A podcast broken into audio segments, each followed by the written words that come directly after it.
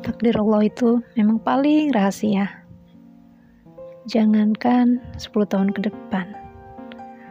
Beberapa detik ke depan pun kita nggak pernah tahu. Top secretnya dunia hanya ada di tangannya. Jadi kita nggak bisa tebak nasib kita ke depan. Meskipun kita sudah bisa menduga tapi kadang suka meleset. Bahkan lebih sering meleset. Perhitungan dunia ramalan yang katanya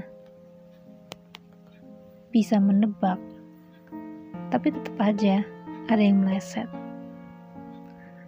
Itulah kenapa kita nggak boleh sok tahu sama takdir Allah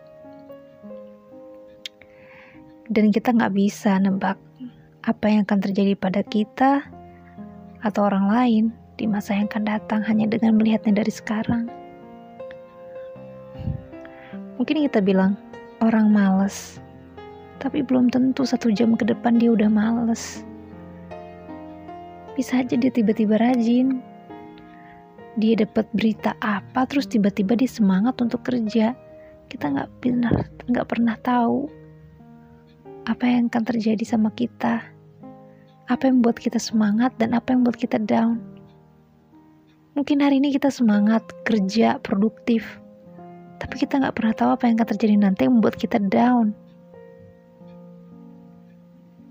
Kita emang nggak boleh pesimis, tapi lebih baik daripada sok tahu kita menebak-nebak takdir.